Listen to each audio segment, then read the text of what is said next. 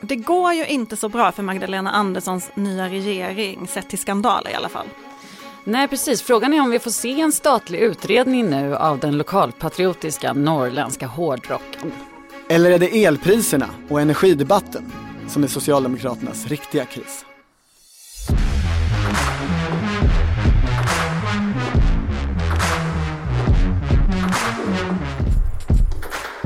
Det här är Politiken med Annie Reuterskiöld, Maggie Strömberg och Torbjörn Nilsson. Det är åtta dagar sedan Magdalena Andersson utsåg sin regering och det har varit åtta skandalkantade dagar. Redan första dagen, precis samtidigt som ministrarna skulle presenteras på en pressträff, så kom ju beskedet att en förundersökning om sexuellt ofredande inleds mot Thomas Eneroth. Samma kväll visar sig Annika Strandhäll ha problem med sin privatekonomi. Eh, kulturministern Jeanette Gustafsdotter ville utreda gangsterrappen och sen ville hon inte det längre efter att hon hade fått kritik. Och så har vi då bilden på Ida Karkiainen där hon gör något som ser ganska likt ut en nazihälsning. Eh, lite stökigt får man säga för Magdalena Andersson. Onekligen. så är det. Vi, nu precis när vi började spela in så kom nyheten att Thomas Eneroth, eh, förundersökningen läggs ner. Och det som jag tycker är lite intressant med Eneroth-saken, eh, jag kan inte bedöma om det har hänt eller inte och vad som har hänt, men att Jan Emanuel, den gamla socialdemokraten som faktiskt också kandiderade till partiordförandeposten, eller hur? Yes. Han var den som polisanmälde och det där tycker jag är lite anmärkningsvärt. Det... Kan du inte berätta vad det var som har hänt i det här fallet? Ja, just det. Jo, men det, det som Thomas Eneroth då säger och det är väl egentligen den enda beskrivningen av händelsen vi har. Det är att han är på väg i, på en efterfest på Gothia Towers mot sin flickvän och eh, när han då träffar den här kvinnan så tar han, eh, lägger han en hand på hennes ländrygg förlåt, på ett sätt som, eh, det är så roligt det här med ländrygg bara, för det är ju en erogen zon på något sätt utan att man, man kan låtsas som att det inte Svanken, är det. Svanken. Ja, liksom. mm. precis. Ja. Det, det, och eh, i alla fall så var det där handen eh, landade då. Eh, och jag har för mig att också vittnen har sett att det var värre än så. Men det, det där är väl väldigt oklart och det är väl ingen idé att, att grotta i vad som, eh, eller vi kan inte göra det här från studion. Men däremot att då Jan Manuel protesterar, för partiet gjorde en utredning där de kom fram till att det inte var någonting mer än så. Han bad om ursäkt och sa att det inte var hans avsikt. Ja, S-kvinnor i Kronoberg, hans distrikt, blev ju väldigt arga och protesterade. Annars är han ju väldigt väl omtyckt i sitt distrikt som jag har förstått. Men då springer Jan Emanuel till denna kvinnas hjälp och polisanmäler så att den polisanmälan kommer in samma dag som Magdalena Andersson presenterar sin regering. Det där eh, är lite skumt. Han, han hävdar att det är för att han vill bara att saker ska gå rätt till.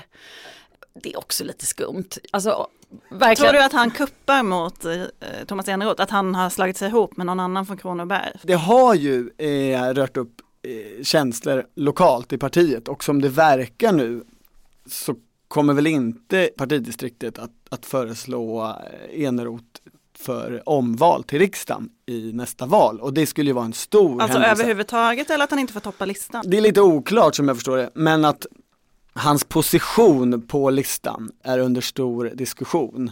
Och han har ju varit en enormt viktig kugge i, inte bara regeringen, ännu mer i det, i det socialdemokratiska riksdagsarbetet. Så, så skulle det hända så, så är det ju en stor förändring. Och det, om man är elak då så skulle det vara en framgångsrik eh, eh kupp.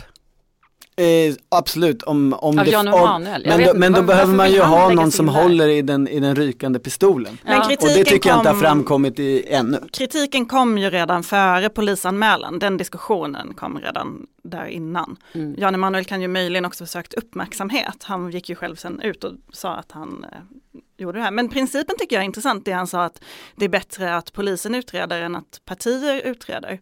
När jag, jag skrev ju en uh, metoo i politiken-text ganska nyligen och då tyckte många tvärtom att det är mycket bättre när partiet utreder för de kan göra en mycket grundligare och straffa mycket hårdare än vad po uh, polisen kan.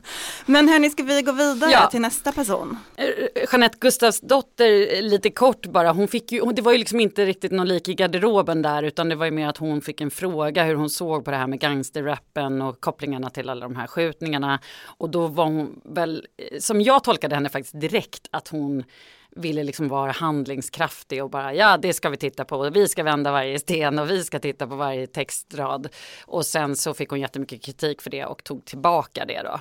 Det, det jag tycker är lite intressant med det där som vi ska prata om framåt här med Ida Karkiainen är ju att musiken har blivit farlig igen. De hatar den här färgen re.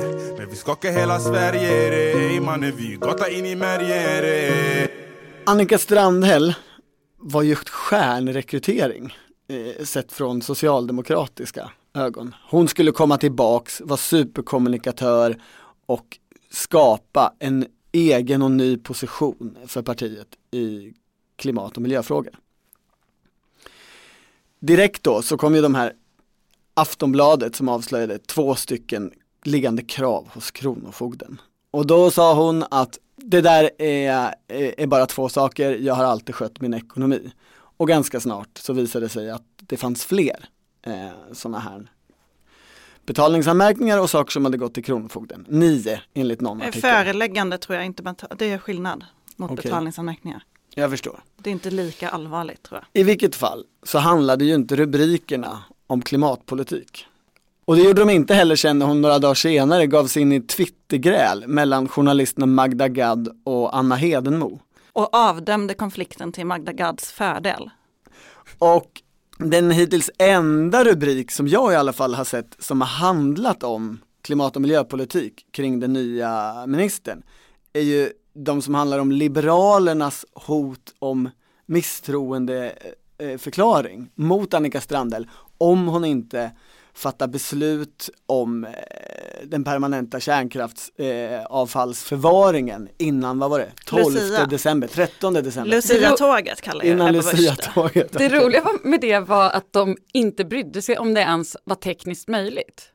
Så, det uttalade Att fatta beslutet, Ja, nej. så det finns väl, det, det är några tjänstemän på miljödepartementet som har sagt till Ekot att det finns svårigheter med att fatta beslutet så snabbt. Men eh, Tjänstemän på departement brukar ju för sig ha, ha den inställningen. Nej, det där är tekniskt omöjligt. och så brukar det vara politiskt möjligt ändå. I vilket fall, ingen smakstart för den här prioriterade frågan för Socialdemokraterna. Här skulle de ju visa att de var någonting annat än, än eh, Miljöpartiets eh, ledhund. Och det är de väl. Eller ja, jag vet inte, det, kan, det kanske de ändå visade. Men eh, sist då eh, och senast, eh, Ida Karkiainen, civilministern. Ärade journalistkår. Jag heter Ida Karkiainen och jag kommer ifrån Haparanda i Norrbotten. Sveriges kändaste civilminister kanske, det brukar ju vara en sån där roll där man blir bortglömd annars. Ehm, det som har hänt där är ju då att eh, det publicerats en bild på när hon är 15 eller 16 och sträcker upp sin hand i något som verkligen ser ut som en eh, nazisthälsning. Eh, hon säger att hon inte minns det där men att det kan ha varit det och att det i sådana fall var ironiskt. Eh, hennes dåvarande pojkvän som, också, som hon fortfarande är tillsammans med, han spelar trummor i eh, metalbandet Raubtier. Mm. Som man sa, Raubtier. Ja, Jag hade inte kollat det, förlåt. Eh, De har ju texter som är eh, väldigt våldsamma, nationalistiska, Norrlandspatriotiska.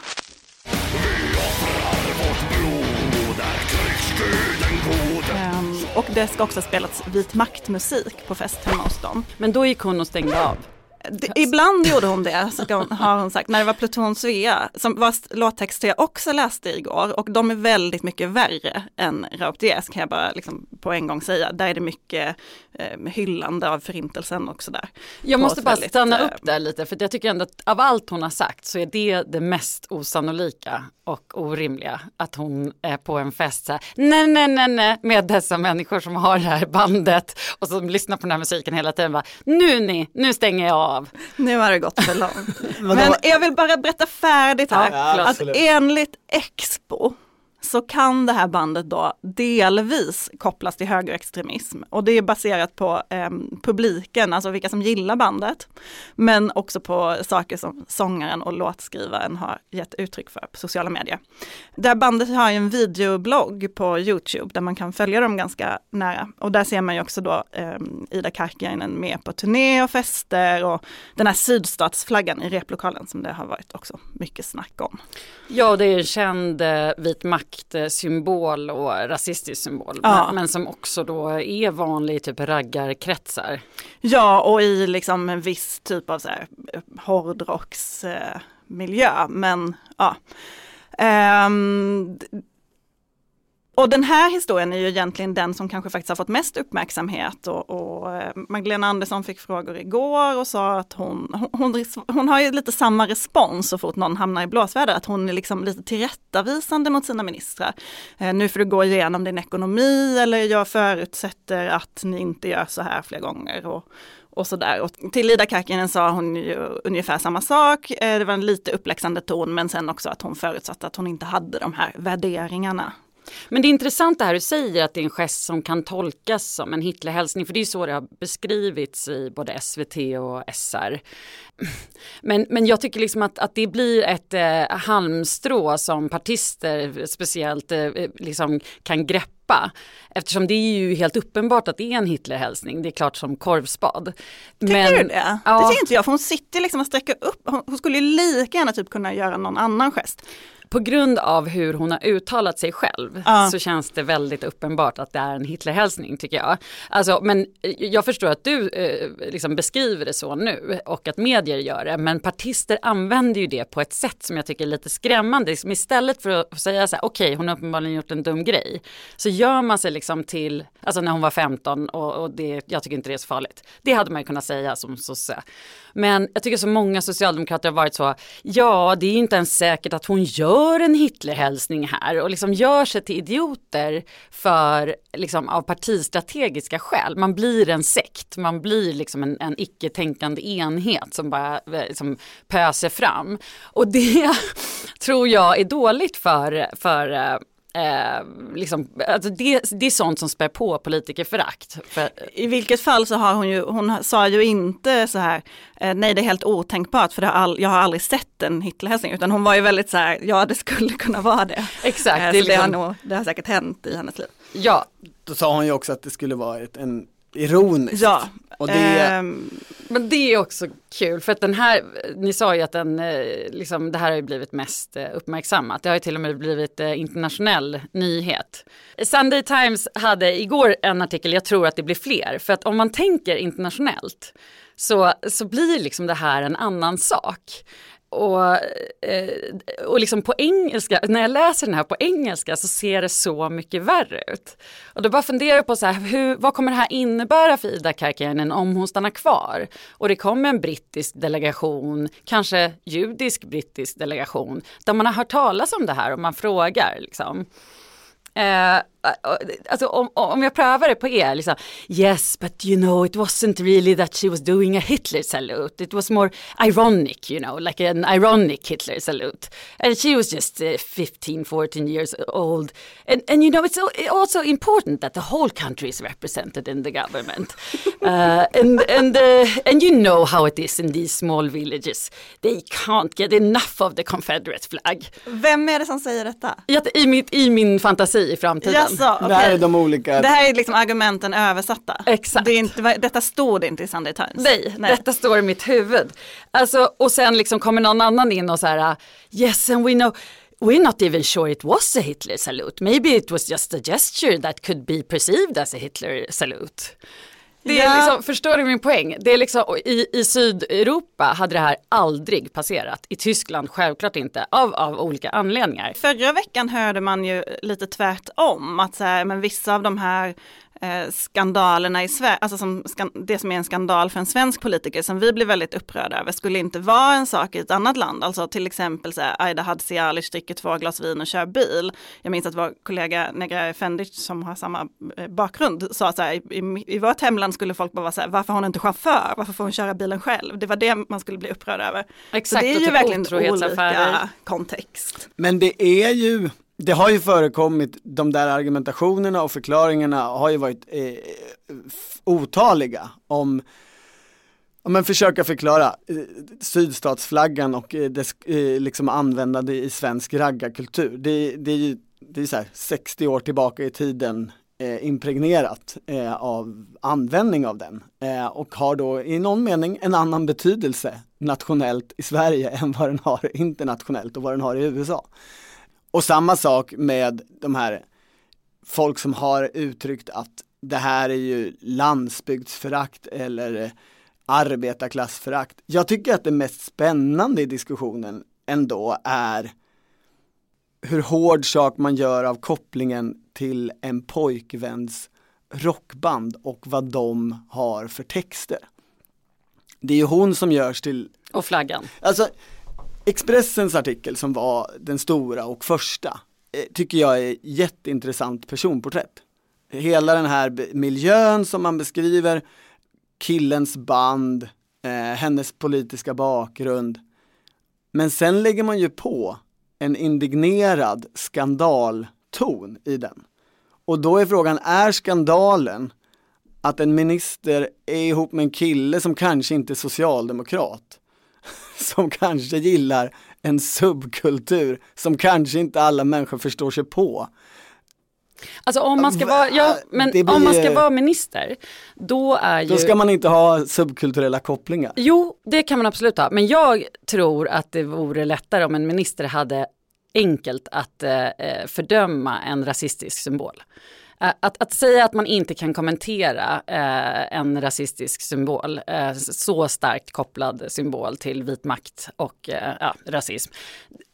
Det, det är problematiskt tror jag och sen så håller jag med dig om att den frågan kom i, ett konstigt, i en konstig kontext men när den väl ställdes eh, så tror jag att problemet för henne framåt i sånt fall blir att hon inte bara kunde säga att det där är en, en symbol som jag inte, ehm, vad säger man? Ja men det där backade hon ju också från igår. Det var ju, hon la ju ut ett långt Facebook-inlägg igår där hon också sa att hon borde ha tagit avstånd och, och eh, att hon gjorde fel när hon sa som hon sa. Och sen be beskrev hon också där att pojkvännen hade kläder med den här, eller ett klädesplagg med sydstatsflaggan på som hon har bett honom att slänga men han har inte velat göra det. Men jag tycker faktiskt också så här att det, det är liksom hon var 15 när hon gjorde den där hälsningen men hon umgås ju uppenbarligen i, liksom, i samma, samma gäng som när hon var 15 med samma människor. Och den här sydstatsflaggan finns ju uppenbarligen fortfarande med. Jag tyckte att det var jag tycker det var tråkigt att Magdalena Andersson inte fick den frågan igår. Alltså tycker du att det är ett problem att din minister är sambo med en person som spelar i ett band som Expo säger kan kopplas till högerextremism och som använder sydstatsflaggan. På ett sätt tycker jag att det är mer intressant vad som händer just nu än vad som hände när hon var 15. Det håller jag också med om och jag tycker att eh, reaktionerna är de mest intressanta. Eh, alltså för där har det ju verkligen funnits så att man att många då på, på vänsterhåll, är det mer intressant att vi har en minister som när hon var 15 gjorde något dumt eller att vi har ett parti, eh, jag såg där man fortfarande lyssnar på Ultima Thule var det någon som skrev. Alltså kopplingen till SD är ju intressant i det här sammanhanget. Och det blir ju problematiskt för de S-torpeder som finns, som till exempel Mats Eriksson som jobbar på LO och som har ett förflutet i regeringskansliet. När han går så hårt åt, till exempel på Twitter. Vad ska han göra nästa gång det kommer en eh, bild på en eh, sverigedemokrat i tonåren som eh, heilar eller som ja, står vid någon rasistisk symbol? Det blir lite svårare för honom eh, då, tror jag. Men jag måste bara säga avslutningsvis kanske att jag är så förvånad att hela Sverige heilar tydligen. Alltså de här reaktionerna liksom, på den här nyheten var liksom så här, ja men det har väl alla gjort någon gång och det, ja, men det är sånt vi gör i Sverige. Typ. Det eh, uppenbarligen var väldigt mycket vanligare än vad jag hade förstått. Men jag undrar också hur det är att här, vara judisk i Sverige och eh, se alla de här reaktionerna och bara liksom helt eh, relativiserat eh, någonting som man uppfattar som ett hot mot sin egen ex- existens. Eh, jag vet inte, det, det, det är någonting som kommer fortsätta finnas kvar tror jag och diskuteras. Ja men det, är- det är inte enkelt att förstå subkulturer och det är inte enkelt att, att förstå eh, ironi. Och det är uppenbarligen, tänker jag, om kraven på politiker ska vara till slut handla om vilka de umgås med och vad de gör och vilka, vem man blir kär i och vad den tycker. så har man ju ganska höga krav. Jo, fast det är ju inte en politiker, det är ju en minister. Då, Ja, alltså, det är väl en politiker Jo, ändå. fast det är ändå skillnad tycker jag om du, nu är hon ju liksom civilminister då, eh, men säg att du skulle vara ansvarig för rikets säkerhet, alltså du har ju en helt annan, du har ju andra krav på dig som, minister såklart. Eh, Jag skulle ändå vilja lyfta detta nu bort ifrån Ida Ja. Karkiainens pojkvän och bara avsluta den här delen med att fråga Sammantaget, de här åtta dagarna, de här ministerskandalerna, hur stort problem är det här för Magdalena Andersson? Det är ju ett problem för att man inte har kommit ut med det man kanske vill komma ut med. Det är ju det, det riktiga problemet. Det, det såg ju stökigt ut under regeringsbildningen, det såg stökigt ut när hon valdes, var, blev tvungen att väljas två gånger och det ser fortfarande stökigt ut. Det är, de vill nog komma bort ifrån kaosstämpeln och det har de väl inte gjort den här veckan. En sak som jag gick och funderade på igår är så här, varför avgår ingen nu för tiden? Och så jämförde jag med liksom när Reinfeldt tillträdde och ministrarna bara föll som käglor. Och eh, ja, men Mehmet Kaplan till exempel som också avgick ganska snabbt och ofta med hänvisningar just till drevet och att man inte kommer ut. Eh, och så funderade jag på, är dreven annorlunda idag?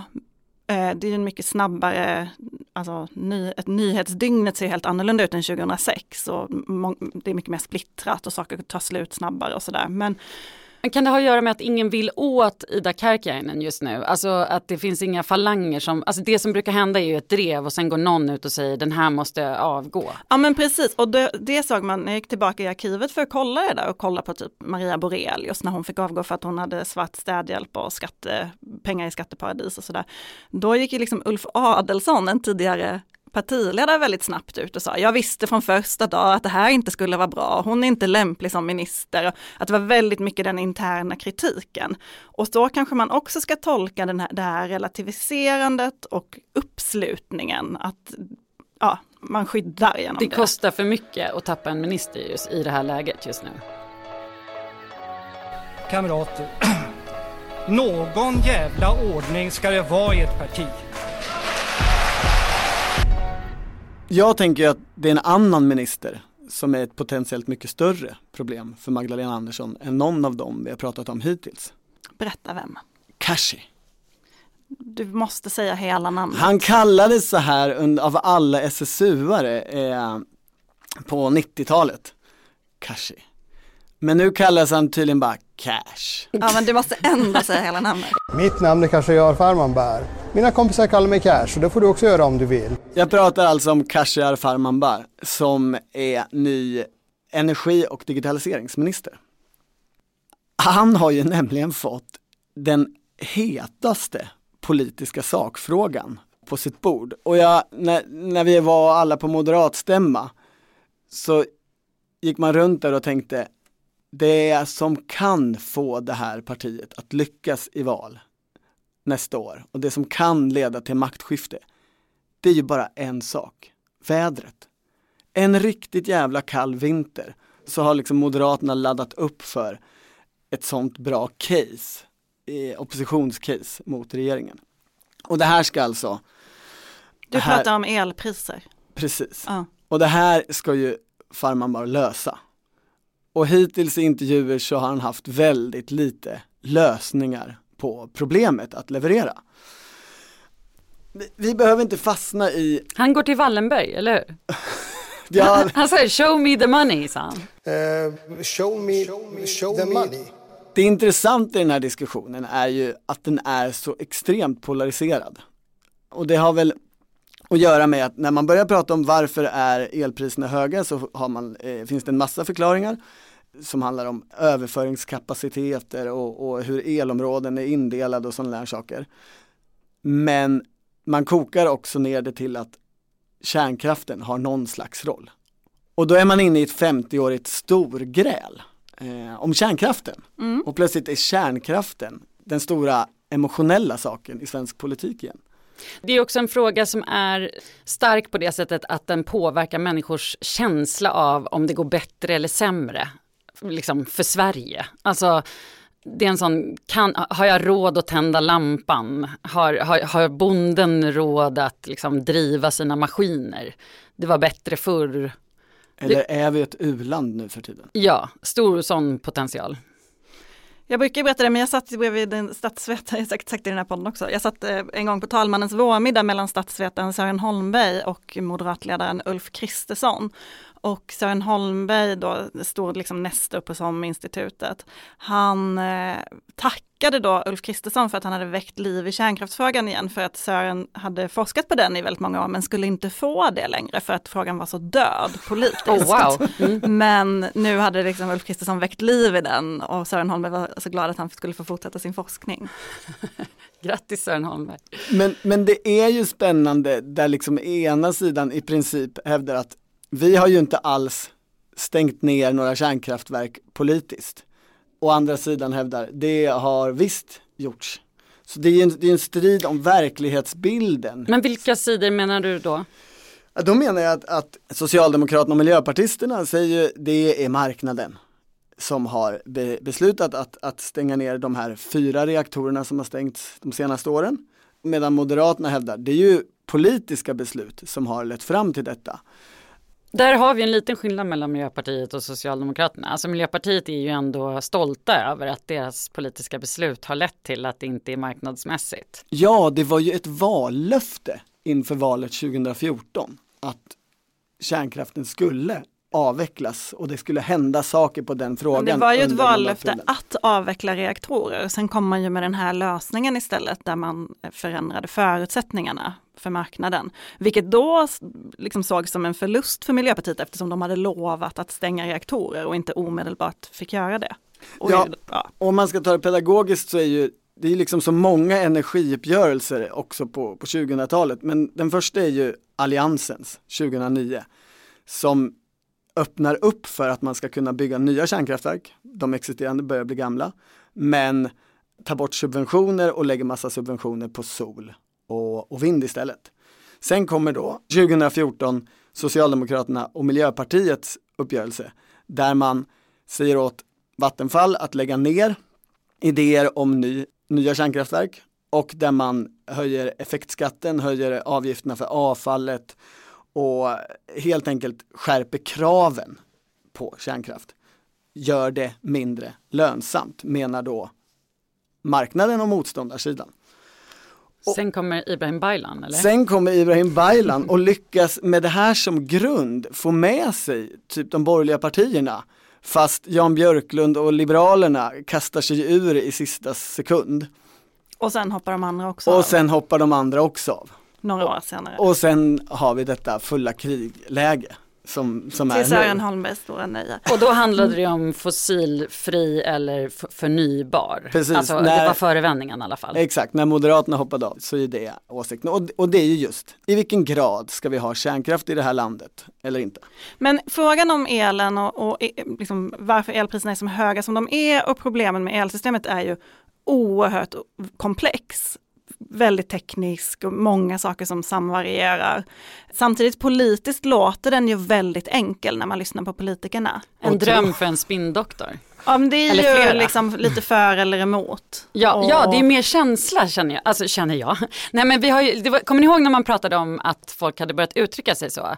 Men, men jag känner att, och det här är liksom på något sätt sluthållplatsen för den sortens tänkande. Det handlar inte längre om realiteter, det handlar om vad man känner. Gillar man grön eller röd? Gillar man eh, kärnkraft eller inte ungefär? För du sa ju att eh, Farmanbar inte hade några direkta lösningar. Jag känner känner ju inte att de som skriker högst i den här debatten just nu, Moderaterna, heller har imponerat särskilt med just lösningar för att eh, sänka elpriserna. I alla fall inte i sin budget man lägger nu.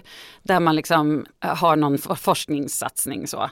Eh, men som är, jag menar de här nya kärnkraftverken, de handlar ju om 20 år framåt i tiden ungefär.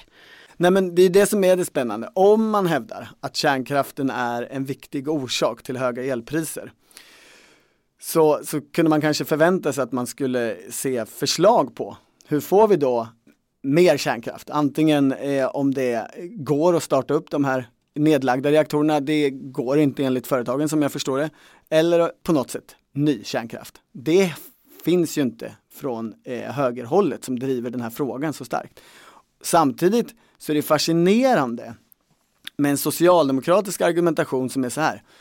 Nej men marknaden tycker ju inte det här är lönsamt och marknaden måste ju få bestämma det här. På vilket annat område är socialdemokrater nöjda med att marknaden tycker si eller så? Själva poängen Vinster i välfärden. i deras parti, nej men det är Och el som kanske ändå känns Ja. som en så här grundläggande Ja men då det är så här, samhället, deras vanliga retorik är ju samhället måste kliva in här. För marknaden klarar ju inte av det här. Och, och, och jämförelsen med vinst i välfärden är också spännande. Där har man en, en argumentation som går ut på de kommunala skolorna har ett större ansvar och måste därför få mer pengar för de är systemkritiska.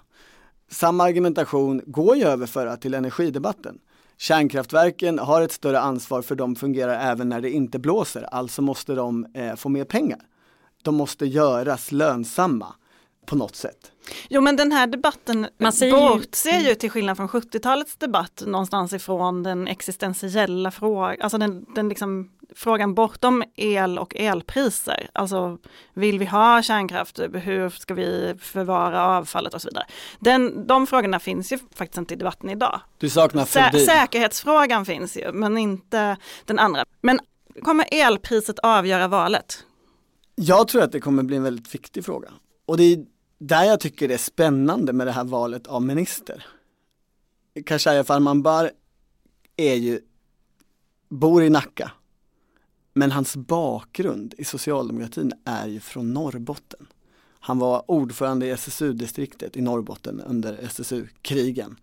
Kandiderade eh, vid ett tillfälle till att bli SSU-ordförande i hela landet. Den viktigaste grundläggande grejen man fick lära sig som SSU-are i Norrbotten, det var vi måste bygga ut fler älvar. Vi måste bygga mer kärnkraftverk. Vi måste ha mer betong. Den sista bastionen i socialdemokratin av kärnkraftsvurmare är norrbottningarna. Och här har man satt en sån, fostrad i den politiska miljön, att hantera den här frågan när partiet samtidigt har rört sig i miljöpartistisk riktning. Men precis som Ida Karkiainen kanske han har utvecklats sen den tiden. Det är möjligt. Vill inflika att det finns en och annan kärnkraftskramare även i Borlänge. Eh, Och i Oskarshamn. Ja, men jag tror precis som du eh, Torbjörn att det kan avgöra, det beror ju också som du började med också på vädret va? Om det blir riktigt kallt eller inte, det får vi se. Eh, jag tycker att det är intressant med Moderaterna, om det nu skulle vara så att Socialdemokraterna förlorar valet. Eh, det här höga tonläget, vad ska de göra med det nästa vinter när elpriserna är lika höga igen?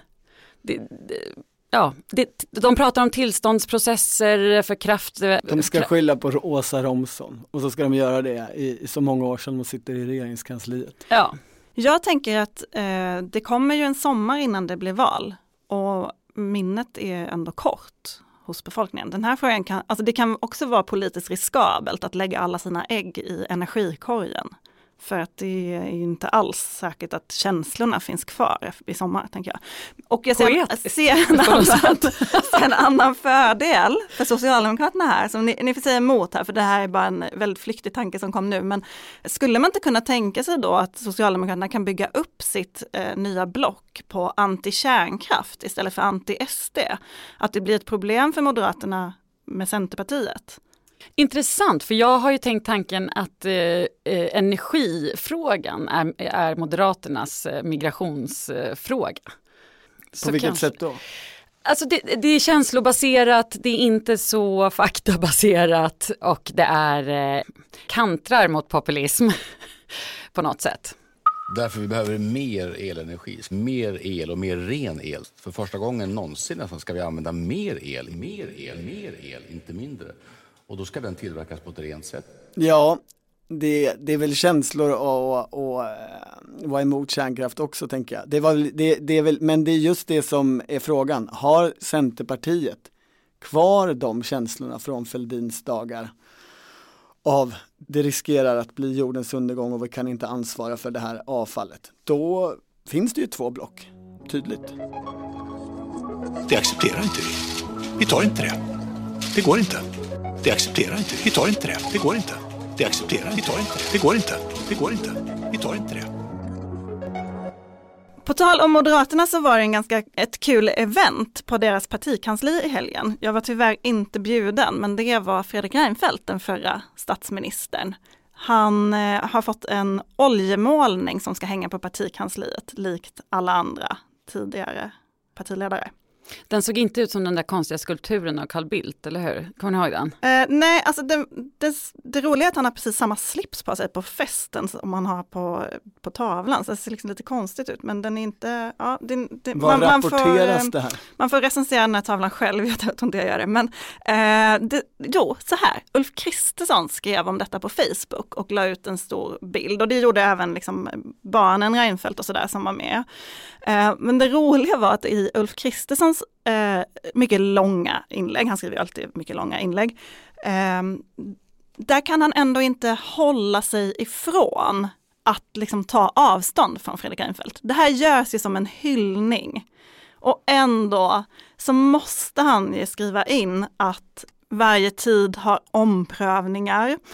Migrationspolitiken är absolut med här. Eh, det har liksom det, det, måste han ändå ta upp, att Fredrik Reinfeldt hade fel i sin migrationspolitik. Sen skriver han också så här, Fredrik hade en helt avgörande betydelse för valvinsten 2006.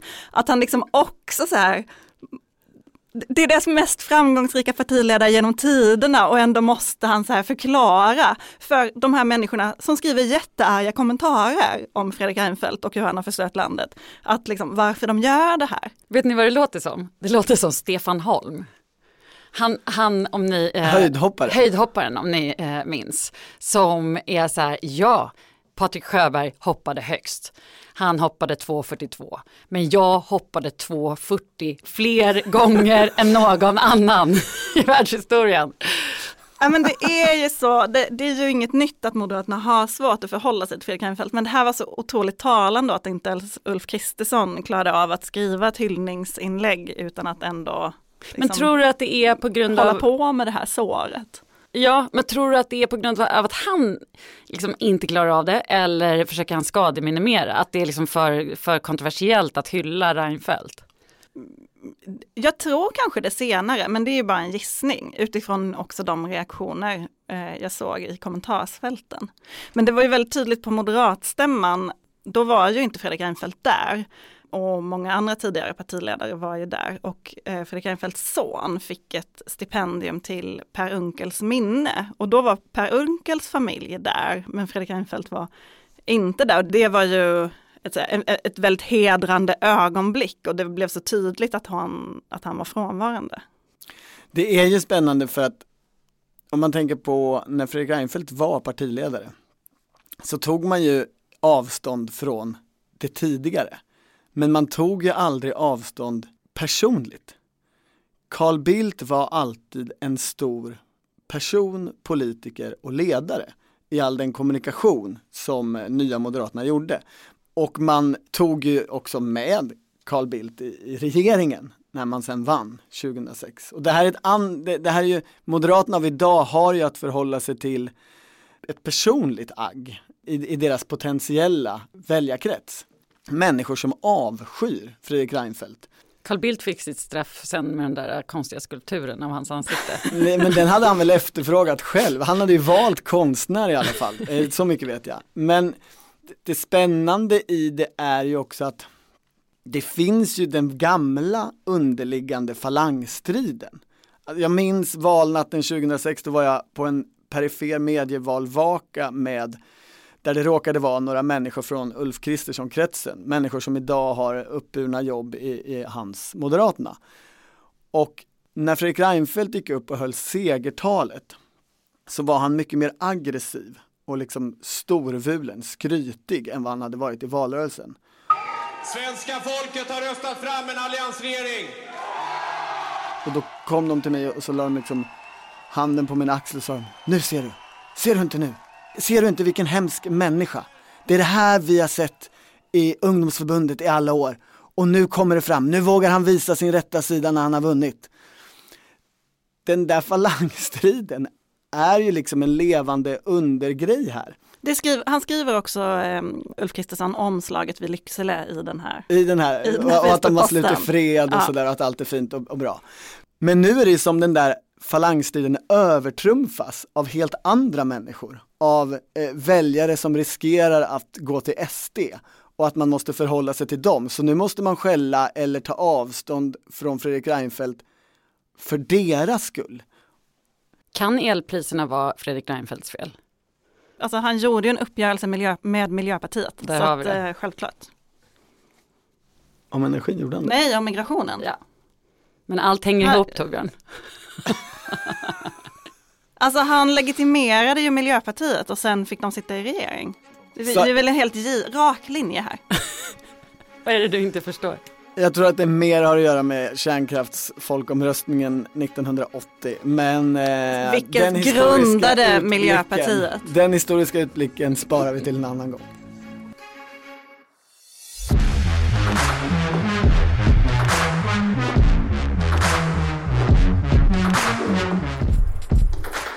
Du har lyssnat på Politiken, en podd från Svenska Dagbladet. Ansvarig utgivare är jag, Anna Kareborg.